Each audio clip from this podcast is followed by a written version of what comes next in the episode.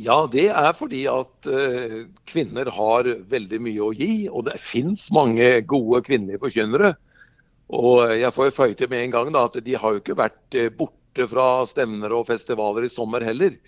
Men uh, når jeg så en del plakater og liksom bare skummet litt igjennom sommerens opplegg, så så jeg jo at kvinner var i stort mindretall. Og så har dette vært en sak som har vært på hjertet mitt lenge. Og da skrev jeg litt på Facebook, og det viste seg jo at det tente da, hos mange. Men Hva er grunnen til at du syns det er viktig å, å ha eh, kjønnsbalanse på, på, disse kristne stevnene eh, når det gjelder talere? Ja, Som jeg skriver i Facebook-innlegget mitt også, så tror jeg ikke at vi skal inn i noen sånn 50-50-kvotering. Det kan være flest kvinner og, eller flest menn. Jeg tror jo det at det som er viktig, er jo å få de rette talerne til de rette konferansene. Men eh, jeg tror at eh, det du kaller kjønnsbalanse er viktig. fordi at F.eks. For i menighetslivet da, og i kirke- og forsamlingsliv så er jo ofte de fleste kvinner, mens de færreste forkynnere og ledere er menn. Og, og, Den balansen tror jeg kan bli mye bedre uten at vi går inn på en kvoteringsordning. For jeg tror at uh, Gud kaller til tjeneste både kvinner og menn. I et uh, av svarene som du får på, uh, på, på dette innlegget, her, så, så, står det at jenter og kvinner trenger forbilde uh, av, av, sitt kjønn. Hvor viktig ja. er det å, å, å, ha et forbilde òg for kvinner og damer på talerstolen? Jeg tror det er veldig viktig. Det har jeg sett gjennom årene, at når vi har hatt i vår forsamling også kvinner på, på besøk, altså kvinnelige forkynnere på besøk, fra inn- eller utland, så tenner det alltid noe spesielt hos kvinnene. Og så har det kanskje vært en tendens til uh, at kvinner har talt på kvinnemøter, men ikke til liksom hele forsamlingen. Og det uh, oppdaget jeg for mange år siden at det, det, er ikke feil å ha kvinnemøter, men det er feil hvis kvinner bare underviser kvinner. Så jeg tror at uh, det er viktig for både menn og kvinner å høre kvinner. Men for kvinner er det spesielt viktig å ha forbilder. Så det her hører sammen. Men, men, er det forskjell i måten å forkynne på eh, når en eh, skiller kjønn, mann-kvinne? Ja, det er spennende det du tar opp der. For det er klart at både menn og kvinner er veldig forskjellige. Og, eh, og har ulike toner i sin personlighet. Så i tillegg til det genuine kallet da, som Gud legger ned, forkynne er jo nådegave, så vil vi også farges av vår personlighet. Og jeg tror jo i tillegg til den, eh, alle variasjonene blant kvinner og blant menn, så har kvinner en annen måte å forkynne på. Det er altså det jeg har sett, og det jeg tror er viktig. For uh, det står jo noe i Bibelen om det, vet du, helt fra skapelsen. At uh, han setter en kvinne ved siden av mannen som skal være hans like. Og det er jo for å utfylle hverandre. Og jeg tror jo ikke at det gjelder bare ekteskap, jeg tror det også gjelder i kirken. At kvinner og menn skal utfylle hverandre i tjeneste. Tradisjonelt så har det jo vært menn som har hatt eh, forkynneroppgave og presteansvar eh, i, i, kristne menigheter.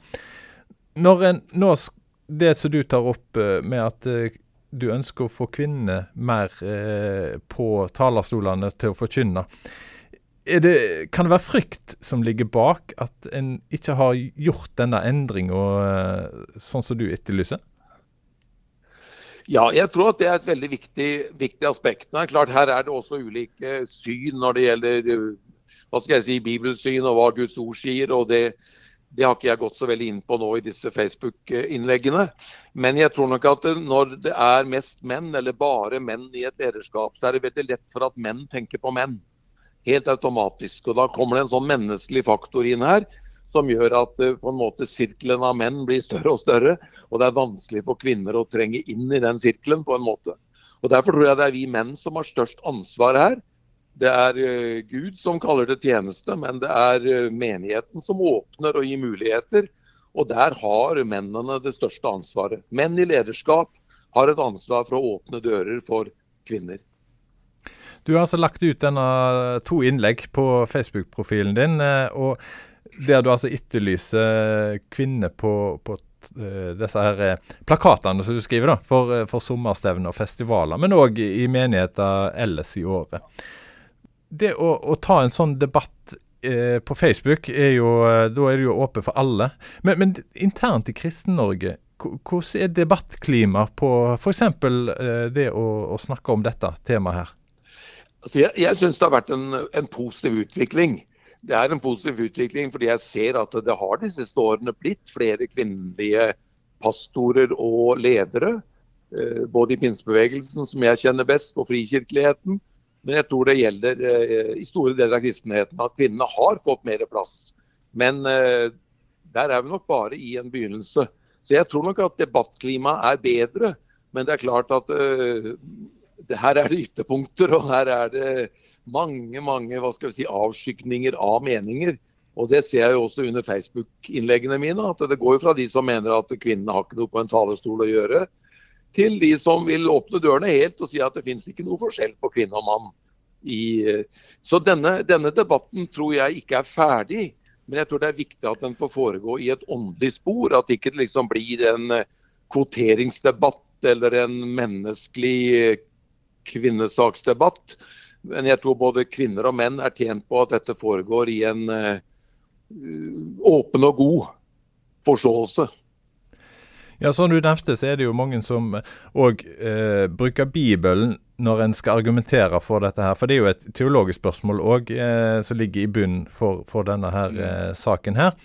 Det å, å fronte en sak som du vet at folk er uenig med deg òg eh, når det gjelder det teologiske. Hvor, eh, hvor støtt må en stå for å, for å stå i en sånn eh, debatt? Ja, det er et veldig godt spørsmål. Jeg opplever at det er veldig viktig for meg. for Hvis jeg vet hvor jeg står og på en måte har jobbet med det så lenge at jeg er trygg, så uh, gjør det ikke noe om jeg får motstand eller tar en fight på det. og og Dette er en sånn sak som jeg sånn sett med glede tar en fight på også, fordi jeg syns det er så utrolig viktig. Både for eh, evangeliseringen av landet vårt, for veksten i, i kristne menigheter, for den unge generasjonen som vokser opp. Jeg syns det her er en kjempeviktig sak. Og så eh, har jeg selvfølgelig også et teologisk syn på eh, at jeg eh, kan mene det her ut fra Guds ord. Eh, og det, For å si det veldig enkelt, så er det jo fordi at Skrift forklarer Skrift, og vi må se Bibelen i sammenheng og ikke ut fra løsrevne bibelvers. Men jeg har unnlatt å gå inn på teologien i disse Facebook-innleggene nå, for jeg har lyst til å, å, å, å skape litt debatt om det, rett og slett.